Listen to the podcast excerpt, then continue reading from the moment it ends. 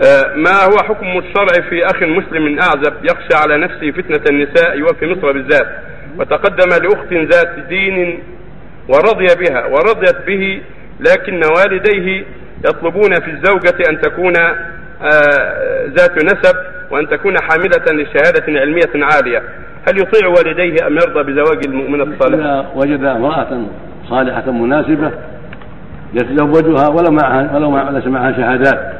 ولا معرفة بما بنسبها إذا كانت امرأة في نفسها صالحة وليس لهما طاعة في هذا إنما الطاعة في المعروف طيب. لكن يخاطبهما بالتي أحسن ويجتهد في إرضائهما ولا يكون عنيفا معهما حقهما عظيم لكن يلاحظ الأمور بالطريقة الحسنى بسبب هذا يا شيخ افترض كثير من الناس لا ما أقصد نعم. إنما يجوز واحد للأولياء أن يطالبوا بهذا الشيء وأن يعني يعرف النسب هذا لا يجوز لهم عند جمع من العلم.